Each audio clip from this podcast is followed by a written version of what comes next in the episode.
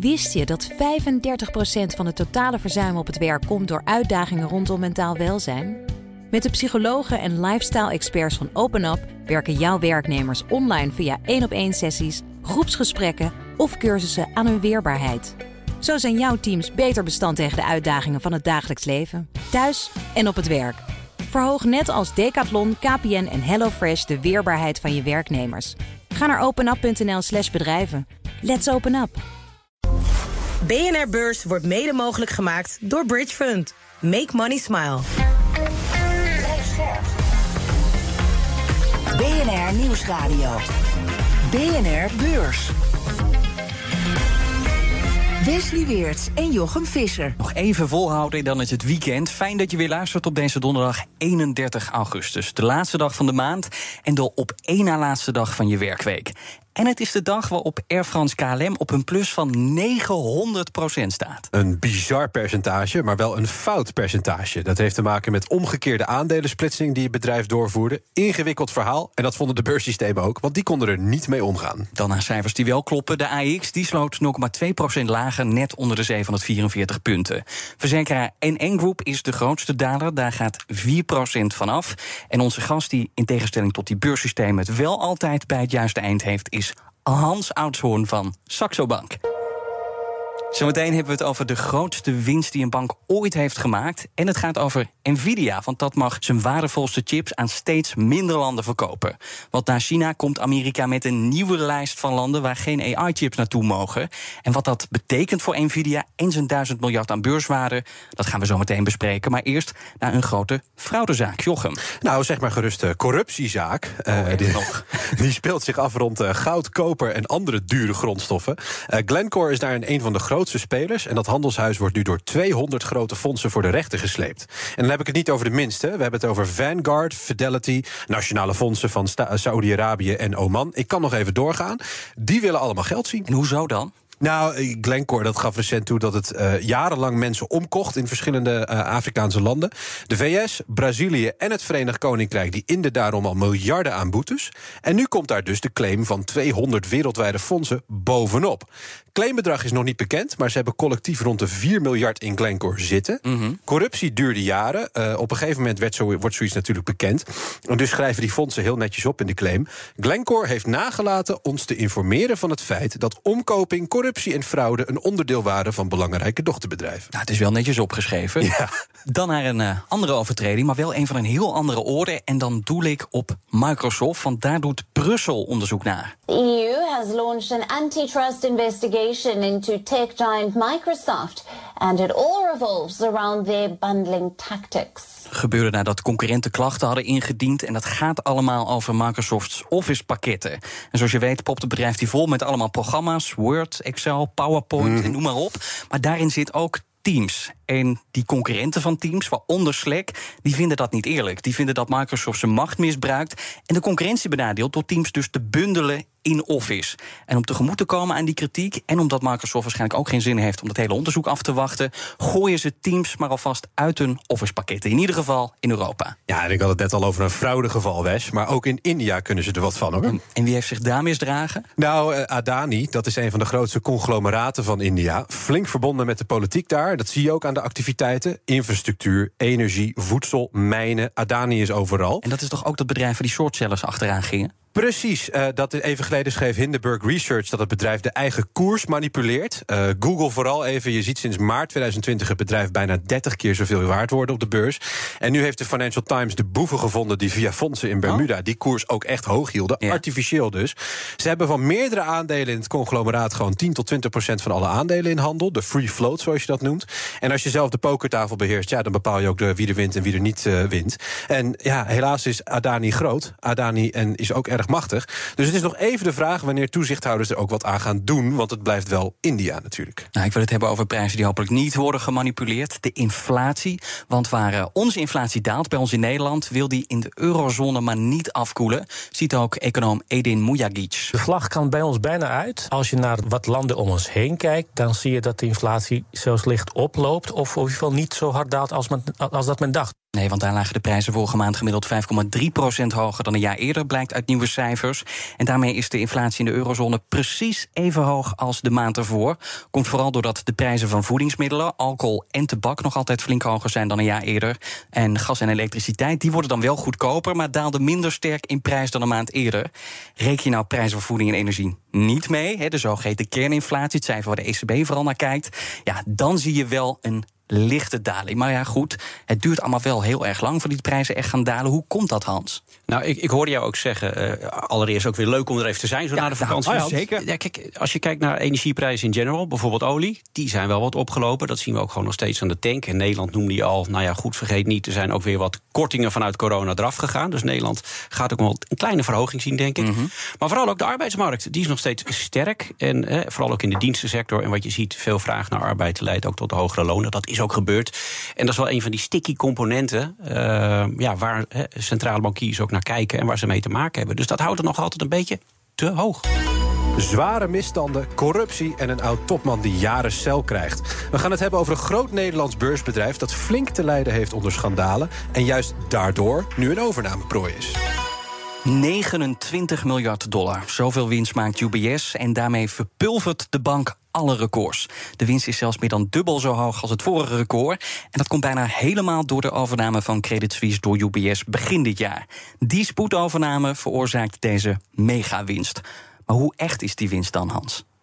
Ja, kijk, die is eigenlijk een klein beetje artificieel. Laat ik het zo zeggen. Normaal als je een overname gaat doen, hè, wat doe je dan? Dan doe je boekenonderzoek, dan check je de balans. Uh, en dan rolt er een bepaalde waarde uit. En dan zeg je, goh, we hebben ook nog kundig personeel wat we over willen nemen. Ze hebben octrooien patenten. Ja. Betalen we een beetje extra, dat noemen we goodwill.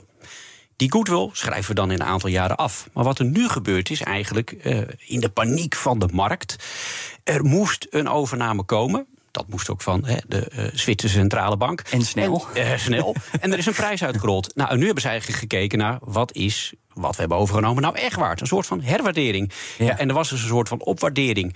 En uh, dat noem je badwill of negatieve goodwill. Maar dat is voor de koper in dit geval, UBS, fantastisch geweest. Ze hebben eigenlijk nou ja, geen kat in de zak gekocht, maar ja, een Jaguar met een gouden kroon. En dat blijkt wel, wel. Uh, vandaag. En dat is natuurlijk eenmalig.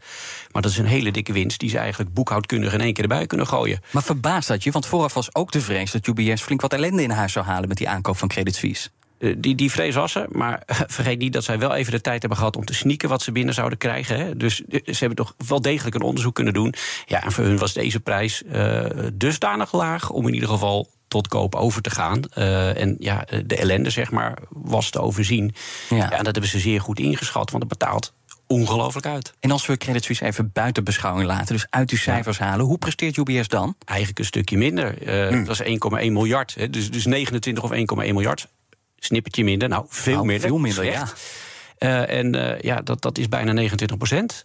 En beleggers ja, kijken daar vandaag natuurlijk totaal niet naar. Want de koers 5, 6, 7 procent in de plus. Dat heeft alles te maken met ja, het, het cadeautje wat ze eigenlijk uh, hebben gekocht. En natuurlijk ook als je naar de toekomst kijkt. Afschrijvingen, we verwachten ze in eerste instantie 8 miljard. Uh, of in ieder geval synergievoordelen. 8 miljard, dat wordt 10 miljard. Uh, ze gaan de mensen uitgooien. Dus die plannen, ja, daar hebben beleggers voor het eerst inzage in gekregen vandaag. Ja, die zetten de koers veel hoger. Maar onderliggend is het allemaal een snippertje minder. Nou ja, onder die motorkap swingen de cijfers ook ja. echt alle kanten op. Hè. 54% meer winst in corporate en retail banking ja. voor consumenten en bedrijven. 66% minder winst in investment banking. Waar komt dat allemaal door, die swings? Nou, kijk, die swings aan de ene kant investment banking, als je daarnaar kijkt, dan heb je het over handelsactiviteiten. Het is gewoon rustig op de beurs geweest. Als je het hebt over derivatenhandel, nou, dat is bij veel partijen toch wel een beetje stil. Weinig overnames, minder IPO's en ook zo. Dat, ook dat, minder beursgangen. Uh, maar kijk aan de andere kant, heb je dus over personal banking. Hè, dus jij en ik kunnen ook klant zijn uh, en bedrijven ook. Dan zie je dat de marges op spaargeld gewoon goed zijn voor de bank. Maar de andere kant, ja, zeg dat. uh, wij krijgen weinig en, en zij verdienen er goed aan. Nee, en de leningen die ze kunnen uitgeven, of die gevraagd worden ook ja, daar, daar zitten ook gewoon grotere marges op. Dus het is het rentespel versus de ingekakte handel. En Hans, jij zei net ook, we weten meer over de toekomst van Credit Suisse. Ja. Eh, onderdelen worden niet afgestoten of verzelfstandigd. Maar Credit Suisse gaat helemaal verdwijnen. Hoe ziet die ontmanteling eruit? Nou, dat, dat gaan ze eigenlijk best wel rap doen. Het blijft nog bestaan. 2024 heb je nog twee merken. Nou, 2025 moet uh, UBS eigenlijk al de naam zijn en is Credit Suisse verdwenen. In 2026 is helemaal weg. Helemaal weg. Uh, dat betekent ook natuurlijk dat ze al die systemen, alle mensen, alle klanten gaan integreren. Een deel van de business wordt uiteraard nog wel verkocht. Uh, maar ook een deel van bijvoorbeeld de kredietportefeuille, ja, die loopt er uiteindelijk gewoon uit. Uh, dat geld komt binnen en dan is het gewoon klaar met de business. En ja, daar gaat natuurlijk nog een flink stukje personeel uit. En waarom zo'n haast? Schoon schip maken. Uh, zo snel mogelijk eigenlijk een nieuwe, een nieuwe start. En uh, ja, dat doe je op deze manier. En dat is natuurlijk ook de oud-topman. Is wel eens eerder voortvarend te werk gegaan. En dat doet hij nu weer. Mm -hmm. uh, maar er komt natuurlijk wel wat meer. Hè. Ik, ik, zei al even personeel. Ja, want dat zit in die besparing. 10 miljard ja. dollar ja. willen ze gaan besparen. Ja. Personeelsontslagen zijn, daar, zijn daar één van. Waar, waar, bestaat dat kostenbesparingsprogramma verder uit? Een van de belangrijkste componenten is toch wel personeel. 30 tot 35.000 man wereldwijd allerbelangrijkste. Maar dat is maar 6 miljard, toch? Van die hele 10 miljard aan besparingen. Is de rest gewoon een beetje dubbel werk of zo? Nou, niet dubbel werk. Kijk, wat je natuurlijk ook krijgt is... op het moment dat je zo'n overname doet... ga je kijken naar je eigen systemen. Ja. Uh, en kijk je naar de systemen van de partij die je overneemt. Dus je doet zelf ook een stukje uh, lean en mean onderzoek. En ja, dan weet je ook dat je bepaalde systemen ook niet meer nodig hebt. Uh, Helder. Dus dat kun je er ook uitgooien. En het aandeel UBS dat won dit jaar al 39 procent. Ja, ja. inclusief 6 procent winst vandaag dus na dit rapport. Ja. Hoe doet UBS het eigenlijk vergeleken met andere banken? Nou, je ziet wel een beetje het vergelijkende verhaal in de zin van rente goed. En als we het hebben over investmentbanking een stukje minder. Dus dat is op zich geen verrassing. En ik denk dat we dat vaker gaan horen van Europese banken ook. Uh, dus dat is wel een beetje vergelijkbaar. Uh, het is allemaal net een snippertje minder. Ja. En, en, zit er dan ook nog wat, wat ruimte in het aandeel? Want ik zie hier dubbele winsten. Is dat dan daar ook zo? Nou, wat je wel kunt zien uiteindelijk bij dit bedrijf, leaner en meaner... en er staat dan natuurlijk wel echt een, een, een hele krachtige bank... met ook een grote vermogensbeheertak, uh, sterk afgeslankt, efficiënt... Uh, dus beleggers, ja, uh, mocht je het nog niet hebben... dan zou je het zeker voor de lange termijn misschien eens uh, gewoon op de plank kunnen leggen. Wat anders dan, een uh, nieuwe escalatie in de chipoorlog. Naar China mogen Nvidia en AMD hun AI-chips ook niet meer verkopen aan landen in het Midden-Oosten. Want Amerika legt de export daar aan banden. En het is voor het eerst dat ook het Midden-Oosten wordt getroffen door de strijd om de chips. En dat, ja, terwijl het niet bepaald uh, het techcentrum van de wereld is, uh, Hans. Vanwaar dan toch die exportbeperkingen? Nou, wat je ziet is dat er heel sneaky door uh, onder andere Saoedi-Arabië de laatste periode heel veel chips zijn besteld. En he, die ban moet je eigenlijk even een klein beetje terugstappen. Uh, het klinkt alsof je ze niet meer mag verkopen in het Midden-Oosten, maar het is eigenlijk dat je nu gewoon een licentie eens moet aanvragen bij de Amerikanen. Nou, die dat is wel een materiële opmerking, moet ik zeggen. Dat is, dat is zeker, dus het is nog niet een echte ban. Maar goed, dan is de vraag: als je die licentie aanvraagt, ga je akkoord krijgen. Ja, ja. precies, want het is wel een serieuze beperking. Uh, dat is wel een serieuze beperking. Maar ze zijn zeer actief geweest ook de Verenigde Arabische Emiraten. Maar als je uh, kijkt naar Saoedi-Arabië, als je zo'n bestelling plaatst, dan loopt dat via een universiteit, een onderzoeksinstituut, waar heel veel Chinezen werken. En de Amerikanen zijn dus gewoon bang dat via een omweg uiteindelijk die kennis toch terechtkomt bij de Chinezen. En dat is toch echt wat ze willen voorkomen. Dus het lijkt vreemd, maar uiteindelijk, als je het een beetje gaat afpellen, uh, heb ik er wel begrip voor. Ja, en dan wil je ook weten wat de impact is op die, op die bedrijven. Nvidia, AMD zijn, zijn Amerikaanse bedrijven in, in, in feite, maar zeggen geen materiële nee, impact. Nee. Nou ja, ondertussen is het wel zo dat ze gewoon aan minder landen die AI-chips kunnen verkopen. Dus ja. wanneer gaan ze hier wel last van krijgen? Want beetje bij beetje ja, kunnen ze aan steeds minder landen op de wereld uh, die, die dingen slijten. Nou, kijk, zo'n vaart zal natuurlijk niet lopen. Uh, ze sluiten China met name uit en dus nu ook het Midden-Oosten en Rusland hebben ze al gedaan. Maar kijk naar Amerika, dat is toch wel waar de ontwikkeling van AI plaatsvindt. Hè. Dus Microsoft, Amazon, Google, Meta. Mm -hmm. Echt het kloppend hart, wel het epicentrum van, uh, van AI. Ja. Um, en Amerika heeft genoeg bondgenoten. Dus Europa, daar kunnen ze gewoon aan verkopen. Taiwan, Korea. Dus ze hebben nog genoeg zeg maar, klanten over waarmee ze zaken kunnen doen. Ja. En waarmee ze ook die ontwikkeling van AI een boost kunnen blijven geven. Maar, maar vertraagt het die, die hele geopolitieke strijd? Vertraagt die wel de ontwikkeling van AI, van kunstmatige intelligentie? Kijk, als je alles gaat uitsluiten, uiteindelijk wel. Ja, uh, ja. Maar het draait met name om China. En uh, als je nu kijkt naar die landen die nog steeds meedoen, dan is dat gewoon groot genoeg om die ontwikkeling van die AI-sector een impuls te blijven geven. Dus ja, to be honest, uh, it's all about China. En ja, dat is vandaag ook gewoon weer zeg maar, bekend geworden, maar nu dan via een andere route. Nou, sommige analisten die denken dat het aandeel Nvidia nog eens ruim kan verdubbelen. Ik, ik las naar de laatste cijfers allemaal jubelende rapportjes. Maar zijn beleggers wel bereid om die prijs te betalen als ze tegelijkertijd weten dat Amerika op elk moment nog meer beperkingen kan opleggen? Dat, dat is absoluut een, een risico. Dat moet je meenemen. Maar wat ik wel ook net al aangaf, kijk naar waar ze nog wel zaken mee kunnen doen. En dan blijft er gewoon nog een hele grote markt voor ze over. En eigenlijk ook is dat gewoon de grootste markt waarmee ze zaken doen. Hmm. Waar ze het grootste gedeelte van hun omzet ook behalen.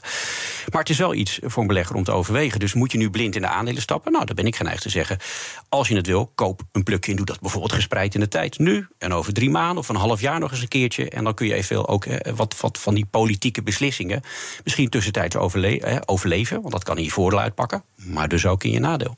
En werken die Amerikaanse beperkingen ook de concurrentie niet in de hand? Want als Nvidia niet mag leveren, dan doet op een gegeven moment een concurrent het wel. En misschien wel een Chinese concurrent. Nou, kijk, dat is op zich wel eh, een hele leuke. Dat je zegt een Chinese concurrent. Of is die er niet? Nou, die is eigenlijk niet. Eh. Ze hebben het wel geprobeerd. Ze hebben het geprobeerd. Weet je, aan geld ligt het niet. Energie, tijd, moeite. Maar als je bijvoorbeeld even teruggaat naar de jaren 80, 90... Hè, dan had je de Japanners, eh, de lithografiemarkt. Ze waren de allergrootste. En ASML kon dat ook al. En nu de nieuwe generatie machines van ASML, de EUV-machines. Ja, het is die Japanners uiteindelijk niet gelukt.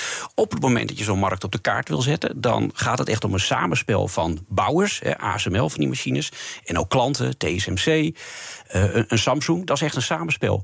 Ja, daar zitten die Chinezen niet tussen. Dus dat willen ze wel, maar ze zijn eigenlijk gewoon uit het netwerk gegooid. BNR Beurs. Wall Street en daar weinig beweging. De Dow Jones staat lager, 0,2 procent. De S&P 500 verliest 0,1 procent. En de Nasdaq komt helemaal niet van zijn plek. Aandeel dat uh, overigens wel flink wint, dat is het uh, aandeel Salesforce. Krijgt er meer dan 3 procent bij. Is de maker van bedrijfssoftware. Het bedrijf werd eerder dit jaar belaagd door activistische aandeelhouders. Want die vonden dat uh, ja, ze daar bij Salesforce vooral te weinig winst maakten. Dat moest omhoog.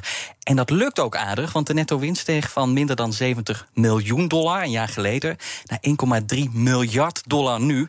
Cijfers die voor blije gezichten zorgen, zoals bij deze analist bij CNBC. At the end of the day, what matters is earnings growth and how these companies perform. And this outperformance by Salesforce is, is very impressive. I'd rather take that all day long than splitting hairs on slight fluctuations in GDP growth or, interest rates. And the guidance on the call will be important too, but the guidance on the on the piece of paper announcing the earnings sounds very, very good. Een flinke verbetering heeft onder meer te maken met de prijsverhogingen en ook de vooruitzichten voor het huidige kwartaal en de rest van het jaar vallen dus in de smaak. Zo valt ook af te lezen in de beurskoers, dus een plus van ruim 3 procent. Maar waar het op Wall Street vooral om draait vandaag is het inflatiecijfer. Uh, belangrijk voor de centrale bank en dus belangrijk voor de rente en dus voor jou. De Federal Reserve kijkt het liefst naar inflatie zonder voedsel en energie. En de inflatie blijkt hardnekkig, want het getal komt bijna net zo hoog uit als vorige maand. En waar kennen we dat toch van? Dat, dat hebben wij ook, hè? Een bepaald continent dat hier Ja, ook. Oh ja, Europa. Net als bij ons. Hardnekkig. Eh, we hoorden inderdaad al deze week dat het aantal eh, vacatures ook is gedaald in de VS. Dat zou dus er weer, eh, weer eh, een, een, een goed teken zijn voor degenen die een, eh, een lagere rente willen, willen zien. Maar ja, als inflatie zo hardnekkig blijft, dan zit de renteverlaging er nog even niet in. BNR Beurs. Aan alles komt een eind, maar deze serie draait gewoon door. We gaan het hebben over beursexits. Sommige bedrijven moeten vechten om een beursnotering. Anderen willen maar wat graag een privaat bedrijf worden. Vandaag even geen rokende puinhoop. Wel een onbekend succesverhaal. Hans, jij wil het hebben over SBM Offshore. Die naam kennen we allemaal, maar wat doen ze nou precies? Kijk, eh, zorg, eh, als je Scrabble speelt, hè, dan, dan is het fantastisch wat zij doen. Ze ontwerpen, leveren, installeren en verzorgen het onderhoud van drijvende platforms voor de productie en opslag van olie en gas. En dat worden FPSO's genoemd. Nou, en daar komt die. Floating Production Storage and Offloading Systems. Nou, het is in ieder geval een drijvend platform om olie en gas boven te halen, op te sporen, om dat te regelen. En wat doen zij? Eh, ze hebben twee takken van support. Ze bouwen die dingen en ver- eh, verhuren dat, bijvoorbeeld aan Wesley. Ehm, en aan de andere kant kan er ook gewoon een koper van die platform zijn. Dat ben jij. Eh, dus dat is eigenlijk een businessmodel. Verhuren of verkopen, dat levert een opbrengst. En als je dan naar de waarde van de onderneming kijkt, het is de zogenaamde koers-winstverhouding, is het niet duur. Zeven, acht keer de winst. Ehm, de koers doet eigenlijk de afgelopen jaren niet zoveel. Pendelt een beetje tussen de 12 en 16. Nou, misschien een keer een euro lager, een eurotje erbij aan de bovenkant, maar houdt het op. Maar in de tussentijd heb je wel gewoon een heel mooi dividend. En dat ligt de afgelopen jaren zo tussen de 7 en 8 procent. Eh, tik je elk jaar binnen. Ehm, financieel gezonde onderneming. Kaststromen zijn goed, winstgevendheid is goed. Dus het is sowieso een onderneming waarvan ik zeg... als je fundamenteel bent ingesteld, kijk er gewoon een keertje naar. Oké, dus van alle kanten horen we ondergewaardeerd. Dat is ook niet nieuw. Waarom springt er niemand op?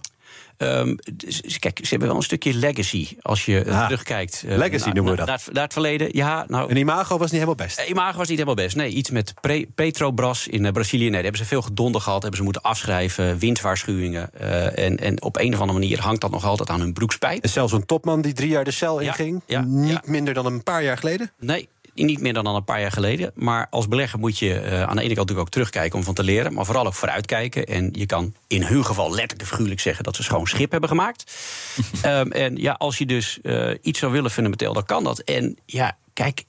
Er is een investeringsbedrijf, Hall Investments. Oh ja. Zeg maar even, die oude man, Berkshire Hathaway, Buffett, 93 jaar. Mm -hmm. nou, je hebt een vergelijkbaar vehikel in Nederland, Hall. En ja, wat hebben zij? Ze hebben al een groot belang in deze onderneming. 22, bijna 23 procent. Ze hebben ook wel wat cash op de balans. Um, ja, het is niet ondenkbaar dat ze misschien ooit eens zeggen van... goh, wij zien dat ook wel, die waarde in die onderneming... en dat het er niet uitkomt. Dus beleg nooit voor een overname. Dat is wat ik over het algemeen altijd zeg. Maar als dat toch op enig moment misschien een keer zou kunnen gebeuren, is het wel een extra positief vinkje. Uh, als maar, maar hoe bedoel jij, beleg nooit voor een overname? Nou, kijk, ik, dus als de prij, het bod dan goed is, kun je het er gewoon even inzetten voor een paar euro? Uh, nou, zeker, maar dan moet het bod wel komen. Nee, maar de grap is dat beleggers vaak de neiging hebben om een aandeel te kopen, want ik denk, dit is een overnamekandidaat. Nou, en dan zul je zien dat je vaak jaren kunt wachten en dan gebeurt het niet. In dit geval, financieel gezonde onderneming. Er is al een groot belang door een slimme investeerder.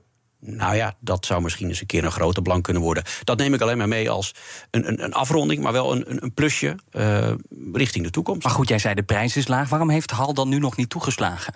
Omdat zij misschien afwachten dat het in de thermiek van de markt, hè, we zijn fors opgelopen, uh, ook nog wel eens een keertje wat lager kan. Want als dat gebeurt, hè, de techmarkt naar beneden, uh, naar de rit die we hebben gehad, ja, dan gaat de brede markt waarschijnlijk ook naar beneden. Ja, dan kijken ze misschien toch nog eventjes uh, de kat uit de boom. Maar dat kan je altijd zeggen, natuurlijk. Hè. Ja. Hal zit er al een tijdje op, ja. heeft 20% in handen. Ja. Um, wat, wat zou er moeten gebeuren met andere aandeelhouders om, om ervoor te zorgen dat dit helemaal van hal wordt? Want er is ook nog Pravis of Parvis Asset Management ja, met 10%, ja, een paar kleine indexbeleggers. Ja, ja, Nee, die moet je dan ook uh, aan jouw kant zien te krijgen. Mm -hmm. uh, en ja, die moeten wel ja zeggen tegen dat pot. Dus er moet ook wel misschien een keer gesproken worden voor welke prijs het wel zou kunnen. En dan, Wes, ik moet even zeggen, ik val in een gat. Want opeens is de cijferagenda bijna leeg. Maar we hebben genoeg te doen. Op naar Payroll Friday. Het einde van het ene cijferseizoen betekent vaak het begin van het volgende. Maar deze dag staat er weinig op de rol. Alleen luchtvaartmaatschappij SAS uit Noorwegen komt met cijfers... al heeft het bedrijf in voorgaande jaren vooral een duikvlucht gemaakt. Maar dat betekent niet dat er niets te doen is voor het weekend. Want het is Payroll Friday. Van centrale bankiers tot aan beleggers, iedereen kijkt er naar uit. En ze willen vooral weten of die vacaturecijfers een reden zijn om de rente te verhogen, of niet. Tot slot, de inkoopmanagers van verschillende Europese landen... laten op deze dag ook nog even weten wat zij verwachten in te kopen voor de komende periode. Trouwens, Hans, heb jij al ingekocht bij SBM? Ik uh, heb ze op de plank... Uh ja, dat wel. ja. Helder. Dankjewel. Hans Oudshoorn van Saxo Bank. Dit was hem, BNR Beurs van donderdag 31 augustus. Morgen is het vrijdag en dus gaan we weer uh, vragen beantwoorden. Schiet dus op met je mailtjes en je vragen. Die kunnen allemaal naar bnrbeurs.bnr.nl. Ja, dat mag dus gaan over aandelen, over strategie. Het mag van alles zijn. Zet onze analist voor het blok met je allerbeste vraag. 24 uur, minder dan 24 uur de tijd heb je nog. bnrbeurs.bnr.nl. Wij gaan onze mailbox morgenochtend checken. En wellicht zit jouw vraag dan morgenavond bij ons in de uitzending. Fijne avond en tot morgen. Tot morgen. BNR Beurs wordt mede mogelijk gemaakt door Bridge Fund. Make money smile. Wist je dat managers evenveel invloed hebben op het mentaal welzijn van werknemers als hun partners? Toch voelt een derde van de managers zich niet in staat om hun team goed te ondersteunen bij mentale uitdagingen. Via het Open Up platform geef je jouw managers de tools die ze nodig hebben om dit wel te doen. Zo zijn jouw teams beter bestand tegen de uitdagingen van het dagelijks leven, thuis en op het werk. Benieuwd wat we voor jouw managers kunnen betekenen? Ga naar openup.nl/slash bedrijven. Let's open up!